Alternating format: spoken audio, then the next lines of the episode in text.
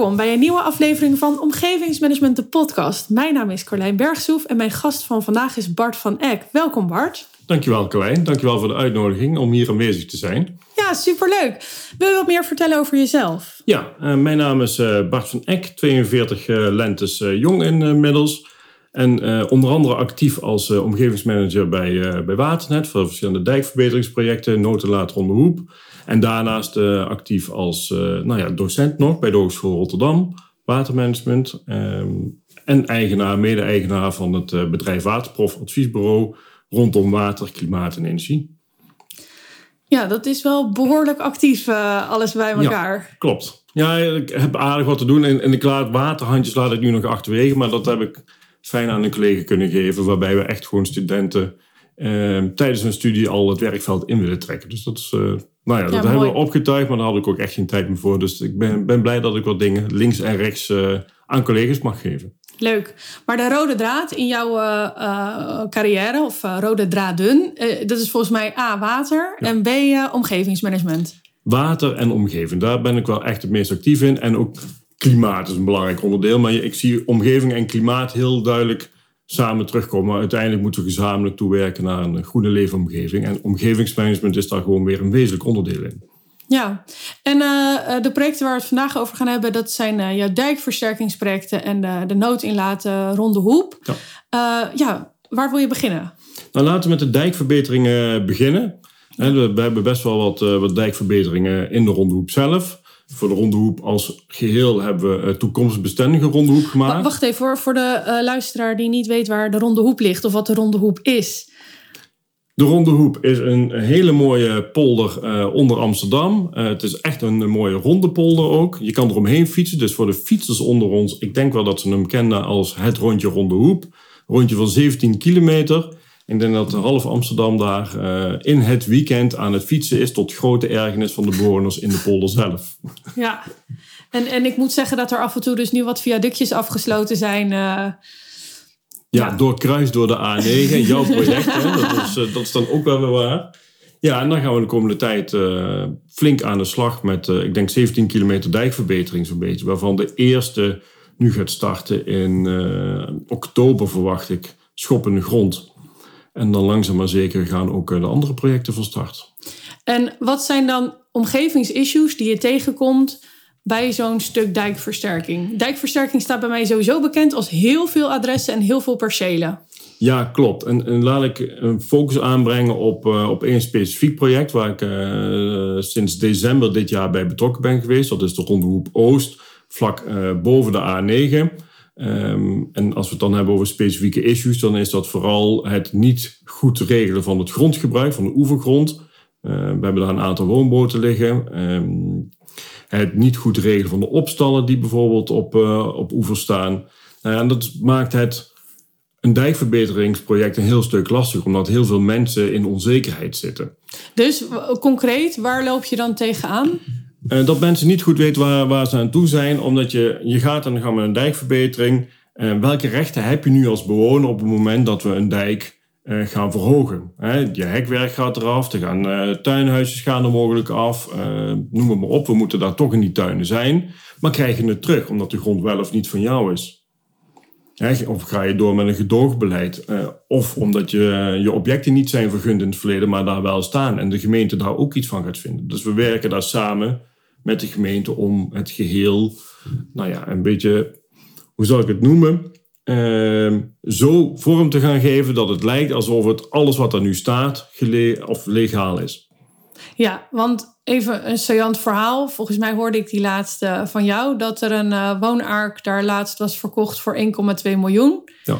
En uh, er zat een uh, flinke lap grond tussen die woonark en, uh, en de Ronde Hoep Oost. En uh, optisch hoorde die grond als tuin bij de woonark. En die mensen kwamen na de koop van die woonark. Uh, nee, jij was degene, geloof ik, die aan ze vertelde. Die grond, die, die, die hoort er niet bij. Die is van het waterschap. We hebben ze gevraagd van, joh, wat denkt u nou dat u gekocht heeft?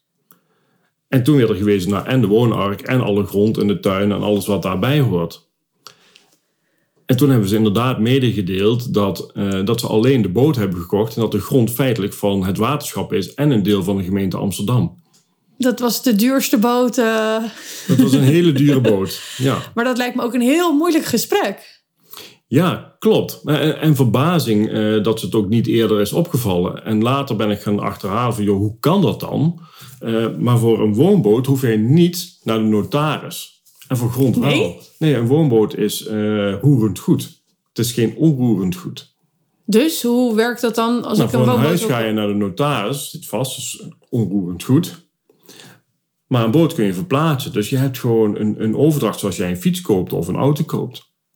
Dus die mensen die hebben die boot betaald, maar zijn nooit voor een notaris aan de grond gemoet. Ik heb vervolgens heb ik op Funda zitten kijken van ja, wat hebben die mensen dan gekocht? En als je kijkt naar wat er op Funda staat, dan staat er heel mooi bij uh, perceelgrootte 0 meter. Maar blijkbaar is er nergens een moment geweest dat ze zich geroepen hebben gevoeld van joh, laten we dit eens even checken. Ja, maar ja, ik denk dat je ook gewoon, ik neem maar dat bij de plaatjes gewoon een mooie tuin stond. Ja. En dat mensen dan denk, aannemen dat die erbij horen. Maar in het eigendomsbewijs zal dan toch ook wel iets staan van. Uh... Ik, ik, weet niet wat er in die contract staat. Maar het feit is, is dat zij, en ze hebben sowieso een zure appel. A, die boot hebben gekocht voor een aanzienlijk bedrag. Geen tuin hebben. Maar daarnaast ook nog eens de hoogste ophoging gaan krijgen van de hele dijkverbetering met de meeste hinder. Ah. En dat, dat wordt natuurlijk een heel lastig verhaal. Dus de, uh, vanuit hun positie zijn zij op, op verschillende manieren natuurlijk sterk benaderd in, uh, in zo'n dijkverbeteringsproject. En laat je dat dan ook meewegen in je aanpak of in je oordeel? Uh, nee, want feitelijk heb ik te dealen met 20, 22 woonbooteigenaren. En die moet je allemaal op dezelfde manier behandelen. Want doe je dat niet, dan heb je linksom of rechtsom, krijg je toch uh, een presidentwerking en wil iedereen het hebben. Hè? Dus als je iemand wat, wat gunt, en dat kan altijd, en dat is uit te leggen, uh, maar het moet niet scheef gaan lopen met de afspraken die je in je gebied van tevoren hebt gemaakt. Presidentwerking is denk ik sowieso wel iets waar we heel veel mee te maken krijgen in ons vak. Uh, toen ik zelf bij het Hoogheemraadschap van Rijnland werkte, toen merkte ik wel echt hoe zwaar dat eigenlijk weegt. Want in de polder praat echt iedereen met elkaar. Dus als je het aan uh, buurman A geeft, dan uh, komt buurman B tot en met Z ook echt aan je bureau. Ja, nou, en dat is het, denk ik het lastigste binnen ons vakgebied. Um, en dat valt me vaak op, is dat iedere projectmanager maakt zijn eigen afspraken of heeft eigen, geeft een eigen invulling aan de beleidslijnen van het waterschap zelf. Hè, rondom het vergoeden van hekjes, tuinen, uh, noem het maar op. Um, dus als je ook voor projecten, doe je in project A doe je dit, in project B wordt er gerefereerd naar project A, want daar kregen ze dit wel. En dan hoeft, kan het waar zijn of niet waar zijn, maar het is wel iets wat je moet gaan checken. Ik heb ook meegemaakt binnen hetzelfde project dat er een belofte was gedaan door het waterschap van wij gaan uw hemelwaterprobleem wel oplossen op dit terrein. Dat ik bij mezelf resultaatsverplichting dacht, maar, op eigen terrein. Ja, maar dit, dit, is niet je bevoegdheid als waterschap. Dus we hebben ook vaak te maken, en dat is dan wel weer het mooie van omgevingsmanagement. Je wordt geacht van heel veel vakgebiedjes wat te kennen. Um, dat er, doordat je niet precies weet waar je bevoegdheid stopt of begint, afspraken gaat maken met bewoners die je feitelijk niet kan waarmaken vanuit je eigen mandaat. En dat vind ik dus wel heel belangrijk als je wil werken aan vertrouwen en aan draagvlak. En dat is in mijn beleving waar ons vak over gaat. Waarom ook heel veel tijd kwijt bent aan intern stakeholder management. Dat de afspraken die je maakt, dat die ook echt steek houden en ook echt uitgevoerd kunnen worden. Ja, precies. Ja, en dat is, dat is één belangrijk aspect. Dus de afspraken die je maakt, moet je kunnen nakomen. En als je ze niet kunt nakomen, gewoon inderdaad afgeven van joh, we gaan het uitzoeken. Ik wil kijken of het mogelijk is en met een goede onderbouwing komen. Uh, dat is één. Maar twee, op een dijk werk je altijd samen met andere overheden. Veelal met gemeenten, want er ligt een weg op, er liggen lantaarnpalen op. En wat daarin nog veel lastiger is, en zeker in het project waar wij in, in werken, is dat je met een relatief kleine gemeente werkt die omgevingsmanagement nog niet heeft omarmd. En uh, dan wordt veel wordt direct overgelaten aan civiel technici. En niks ten nadele van civiel technici, maar die, die zijn wat strakker in de lijn over het algemeen uh, rondom de techniek. En die kijken wat minder naar wat is nou de impact van mijn besluit op de omgeving of wat doet dit met bewoners. En daar hebben we best wel veel last van. Want je krijgt enerzijds een organisatie die wat meer rigide is. En anderzijds een organisatie die wil kijken van, joh, maar hoe kunnen we dan bepaalde belangen uitwisselen of hoe kunnen we afspraken maken zodat we elkaars belangen uh, kunnen verrijken. Volgens mij is dat überhaupt ook ooit hoe omgevingsmanagement is ontstaan. Omdat als je puur alleen naar techniek kijkt, dan uh, krijg je niet altijd de oplossing die zeg maar voor het uh, algehele belang de beste oplossing is. Omdat er ook gewoon nog andere belangen meewegen. Ja. En dat is waar wij toegevoegde waarde leveren. Maar als jouw samenwerkingspartner dat nog niet heeft omarmd, dan kan ik me voorstellen dat dat wel eens tot lastige discussies leidt. Nou ja, dat leidt zeker tot lastige discussies in, in diverse uh, gesprekken, ook intern. Hè? Want dan, dan we spreken de, gemeente in dit geval uh, regelmatig. En als zij niet mee willen bewegen, dan, dan heb je een boodschap richting de, bewoners. En bewoners zeggen, maar jullie werken toch samen? dat, de, dus dat, wordt, dat is dan al een lastig gesprek. Ehm en zegt, joh, ja, dit is de grens die de gemeente heeft aangegeven en meer kan ik er niet van maken. En, en mocht u daar niet in kunnen vinden, ga dan vooral ook weer terug naar de gemeente. En daar krijg je nul op een request, wat zorgt voor frictie. Want uiteindelijk heeft dat wel weer zijn gevolgen voor, uh, voor het project zelf. Hè? Hoe kijkt een bewoner aan tegen je project? Nou, het straalt ook af op jou. Ja, en ze zien dat als extra hinder. Ja. En daarmee zijn ze sneller geneigd om weer een zienswijze in te dienen of bezwaar te gaan maken. Dus je hebt gewoon wat minder ruimte om te bewegen als omgevingsmanager? Van ja, in principe wel. Ehm, en, wat het hier complex maakt, hè, wat ik eerder al aangaf, uh, het oevergrond is niet goed geregeld. Dus mensen hebben eigenlijk feitelijk geen uh, eigendomsrecht voor die tuinen. Ze maken er wel overal gebruik van. Ze hebben ze keurig ingericht. Is er uh, geen sprake van gewoonterecht na een tijdje? Of is, nou, is het nog niet zo heel lang? Er is sprake van, uh, van verjaring. Volgens mij als je 20 jaar oneigenlijk goed hebt uh, beheerd. Hè, willens en wetens hebt ingepikt feitelijk. Um, nou, sommige woonboten liggen er al heel lang, uh, stellen de mensen. maar er zitten nog allerlei andere regels aan vast. Dus we hebben een specialist ingehuurd die echt is gespecialiseerd in hoe ga je nu om met illegaal grond. En hoe kun je dat goed gaan regelen. En hoe kun je dat goed gaan regelen ook met de huisjes en de vergunningen. Dus hoe kunnen we dat wat er nu ligt hè, de praktijk zoveel mogelijk op papier gaan regelen. Als overheid heb je nog wel eens de neiging om te zeggen van joh, op papier staat er dit, dus dat is wat buiten mag.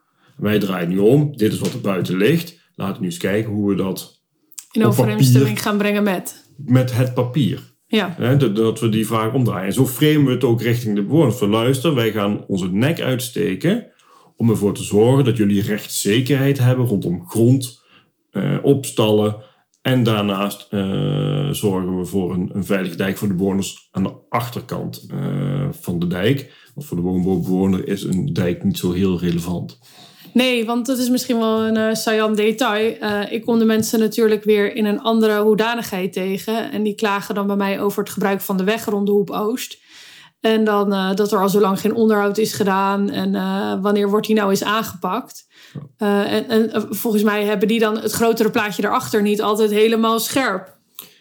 Nee, dat klopt. En dat, en dat is dan ook weer een nadeel van een, een project als dit. Hè? Want die vervlochtenheid maakt het voor, voor heel veel mensen heel complex. ook voor de, de ambtelijke organisaties. Hè? Van, joh, wat gaat nu eerst? Wat gaan we doen? En waar lopen we tegenaan? Kunnen we wel alles regelen? Hoe zit het dan met die grond? Dus die projecten duren lang.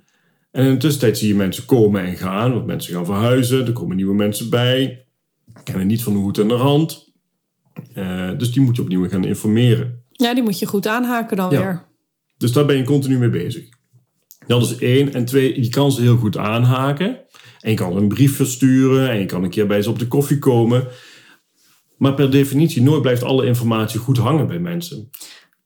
En procedures, bij mij zitten in mijn hoofd omdat ik ze tientallen keren heb, uh, heb uit mogen rollen. Maar bij een bewoner is een procedure, een, een, procedure van dijkverbetering alleen al voor de plantvorming duurt minimaal anderhalf jaar. En dan hebben we het nog niet eens over uh, de aanbestedingsprocedure om te komen tot de uitvoering. Want daar zit ook nog zo zes tot negen maanden op.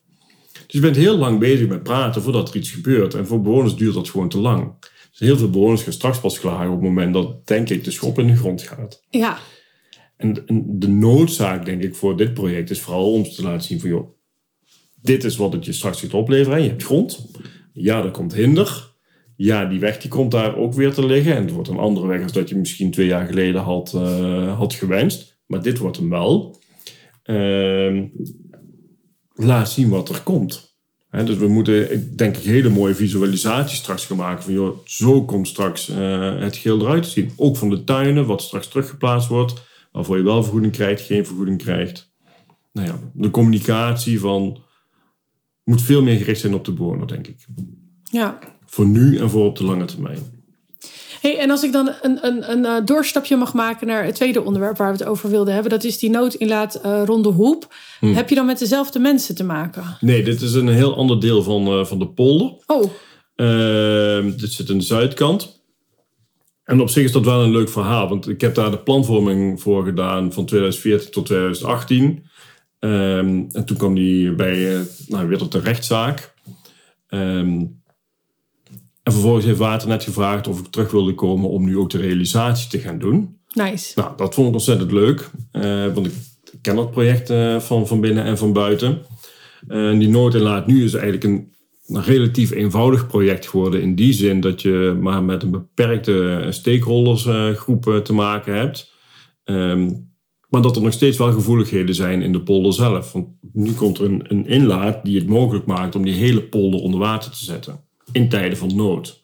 Dus het is niet een, een piekberging zoals we die kennen vanuit het watersysteem. Het is echt een voorziening die kan worden ingezet op aangeven van de veiligheidsregio.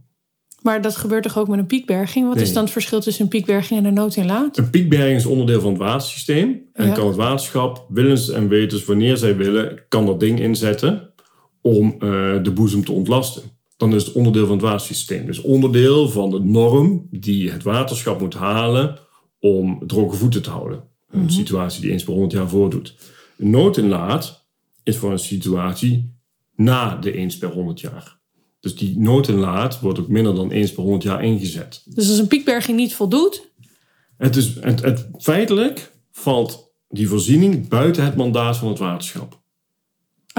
Maar de voorziening zelf om hem in te laten is een kunstwerk in de regionale kering. En dat is dan weer wel de verantwoordelijkheid van het waterschap. Ah. Daar zit groot verschil in. Maar dit is een hele lastig traject zeg maar, aan de voorkant om dit al goed geregeld te krijgen. Want je bent met hele andere wet en regelgeving bezig om dingen voor elkaar te krijgen. Nou ja, en ik kan me voorstellen dat het voor de stakeholders ook anders voelt. Want een piekberging, daar worden mensen volgens mij gewoon voor onteigend. En uh, kan je de grond pachten en weet je, dit gaat onder water gezet worden. Maar als ik jou goed beluister, is het bij een noodinlaat anders geregeld voor de uh, bewoners die... Feitelijk is hier sprake van nood breekt wet. Dus op het moment dat die wordt ingezet, is er sprake van nood. En krijgen we alle rechten om uh, water onder land of land onder water te mogen zetten. Bij een piekberging ga, heb je inderdaad vele ver, verdergaande afspraken gemaakt met agrariërs. En dat is hier niet het geval. Er is ook geen doelplicht van water op je land bijvoorbeeld. Maar bewoners hebben ook geen echte beschermingsvoorzieningen rondom hun boerderijen. Dus ik kan me voorstellen dat je daar best wel wat uh, tegenstand van krijgt. Die rechtszaak, die kan ik dan wel begrijpen. Ja, dat is heel veel weerstand geweest. Maar het project startte ergens in 2002 tot 2005. En ik werd, kwam in 2014 op dat project. Ja, toen was er enorm veel. Er, was een aparte stichting, Stichting uh, Red de Ronde Hoep. Um, nou ja, de bewoners individueel waren, waren best boos. We hadden allemaal bewonersgesprekken. Um, dus wat, ja, het maakte het gewoon lastig. En, en er werd gewoon algemeen geroepen: ja, het waterschap luistert niet en doet niet, uh, weet niet wat, wat ze willen. Of ze gaan hun eigen ideeën doordrukken. Nou, dat is wel het moment geweest dat we samen met de bewoners echt zijn gaan kijken: van, hoe kunnen we er nu voor zorgen dat we de zaken zo goed als mogelijk kunnen regelen voor jullie. Hè. Mocht die dan ooit worden ingezet, de kans is heel klein. Maar als die dan wordt ingezet, dat er en een goede schaderegeling is. Ehm, en dat we voorzieningen hebben waarmee jullie je kunnen beschermen. Ja, dus in eerste instantie was het bedacht om over dijkjes rondom uh, boerderijen heen te leggen. Dus dat zou betekenen dat we 8, 9 kilometer extra dijkjes zouden moeten gaan realiseren. Ehm, nou, en dat we gaan kijken hoe ehm, hoe we de begrenzing maken van die noodinlaat. Dus waar, waar leggen we de grens? En uiteindelijk is daar, uh, hebben we met de stichting en met LTO hebben we een schadevergoeding uh, opgesteld. Dus zij hebben experts aangewezen die, die zij wilden hebben. Schadevergoeding voor nu of voor als het echt zou optreden? Voor als die wordt, op, uh, wordt ah, ingezet. Ja. Dus het waterschap stelde, we hebben een hele goede schaderegeling. zij stelden allemaal van niet prima, hè, daar, daar kun je over in contact komen. En toen hebben we gewoon gezegd, weet je, jullie zeggen dat die niet goed is. Wij zijn schade-expert aan die ontzettend goed is, waar jullie vertrouwen in hebben. Uh, wij zijn juristen aan die je daar ook bij kan ondersteunen om, uh, om de boel aan te scherpen. En laten we dan gezamenlijk gaan kijken hoe we de beste schaderegeling kunnen krijgen voor de omgeving die past binnen alle wettelijke kaders die we kennen. Nou, dat hebben we gedaan. Daar zijn we anderhalf jaar mee bezig geweest. En toen hebben ze volgens mij op uh, 90, 95 procent van alle punten die ze hadden, hebben ze gelijk gekregen. Want we hadden inderdaad niet een hele goede schaderegeling, bleek achteraf. Hij was veel te mager. En nu hebben we hem heel uitgebreid uh, hebben hem, uh, vorm kunnen geven. En dan, hoe borg je dan dat, uh, stel dat dit over 50 jaar pas optreedt, dat je dan een schaderegeling hebt die dan nog steeds relevant is? De schaderegeling die is onderdeel geworden van het projectplan. Het projectplan is vastgesteld.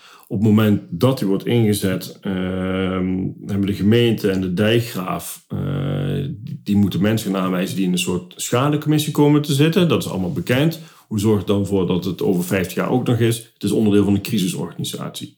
Dus het, het is onderdeel van de plannen voor wat doen we bijvoorbeeld bij hoogwater op de boezem. En daar zit die noodinlaat zit erbij geborgd. En als die noodinlaat wordt uh, gebruikt en geopend, dan zijn er ook afspraken gemaakt met de veiligheidsregio over schadevergoeding. Dus de, we hebben afspraken gemaakt met de veiligheidsregio dat zij niet de 10%, nou ja, de veiligheidsregio op het moment dat er nood is, uh, die hebben een eigen schadevergoedingsregeling. Dus als uh, de hmm. minister zegt van joh, dit is een noodsituatie, schade in dit gebied uh, gaan we uitkeren en dat is 90% van de schade keren we dan uit. Ja, dus je maakt gewoon afspraken op percentages en niet op bedragen. Uh, nou, dat is wat de veiligheidsregio doet. En we hebben met de veiligheidsregio afgesproken van... joh, we hebben 100% uh, vergoeding van de schade met omgekeerde bewijslast. Uh, dus tot zoveel miljoen kuub die wordt ingelaten in de polder... dragen wij alle kosten. En is dat niet voor de staat, maar is dat voor het waterschap. En alles daarboven. Hè, dus mochten ze, mocht de situatie nog vele malen erger zijn... en mochten ze besluiten, we laten de, de inlaat nog wat langer opstaan dan zijn de kosten daarna voor, uh, voor de staat. Dus er zijn ook, daar zijn onderling afspraken over gemaakt. Ik heb het gevoel dat we hier echt nog eindeloos over kunnen doorpraten. Zeker. En de tijd gaat zo snel. Ik, wil, uh, ik, ik weet wat jij uh, als tip wil meegeven aan andere omgevingsmanagers. En daar wil ik ook echt nog wel even bij, bij stilstaan. dus wat zou jij als inspiratie willen meegeven voor je collega omgevingsmanagers? Nou, zoek altijd uit met wie je aan tafel zit. Uh, vaak hebben we de neiging om, uh, om personen die bij een bepaalde doelgroep zitten, onder uh, bepaalde belangen te gaan scharen. Hè. Dus op, stel, dit is een agrariër, oh, die gaat zich hard maken voor zijn land, voor zijn vee, noem het maar op. Bedrijfscontinuïteit. Bedrijfscontinuïteit, aanvoerroutes, noem het maar op. dat geldt ook voor burgers die zeggen, joh, red mijn tuin. Ehm, maar je hebt ook mensen die onderdeel zijn van bijvoorbeeld een stichting die zich hard maken voor de belangen van, uh, van anderen. Vraag, stel jezelf altijd de vraag, waarom zit zo'n man in zo'n stichting? Hoe is hij daarbij gekomen? Ik heb gemerkt voor, uh, voor de stichting waar wij veel mee te maken hebben gehad, dat er ook gewoon mensen in zaten die in feite lang niet zoveel belang hadden bij uh, de uitdaging van de nood en laat, dan bijvoorbeeld een, een reguliere agrariër die in de polder woonde. Waarom niet? Hij woonde hoog en droog. Dus ik heb op een gegeven moment heb ik ook aan ze gevraagd van wat is nu jullie mandaat? Nou, wij spreken namens de hele polder. Maar als je dan individuen ging vragen van joh, spreken zij namens u? Dan is het antwoord standaard nee. Dus mensen kijken toch naar hun eigen belang. En dan zaten mensen in de stichting en daar kwamen we later achter in een persoonlijk gesprek. Die waren net in de polder komen wonen en die zochten gewoon mensen om, om mee te gaan klaverjassen. Ja. dus die, die zijn vanuit die optiek zijn ze bij de club gekomen en weerstand gaan bieden. Dan denk ik, ja, waar heb ik nou mee te maken? Toen hebben we op dat moment ook gezegd, stichting laten we even links liggen. En we gaan nu heel specifiek met individuele bewoners aan de gang. Ja, dat lijkt me een hele goede tip. Dus hoe legitiem is je gesprekspartner? Ja, dat is eigenlijk uiteindelijk de vraag. Ja. ja, ik vind dit een hele mooie anekdote. Ik wil je heel graag bedanken voor je, voor je toelichting en voor je verhaal en je inkijkje in uh, de wereld van water- en omgevingsmanagement. Dankjewel. Leuk om hier te zijn, leuk om het gesprek te mogen voeren. Voor het eerst. En daarmee ook af en toe een beetje spannend, maar wel leuk. ja, nou en voor de luisteraars, bedankt voor het luisteren. En tot volgende maand weer.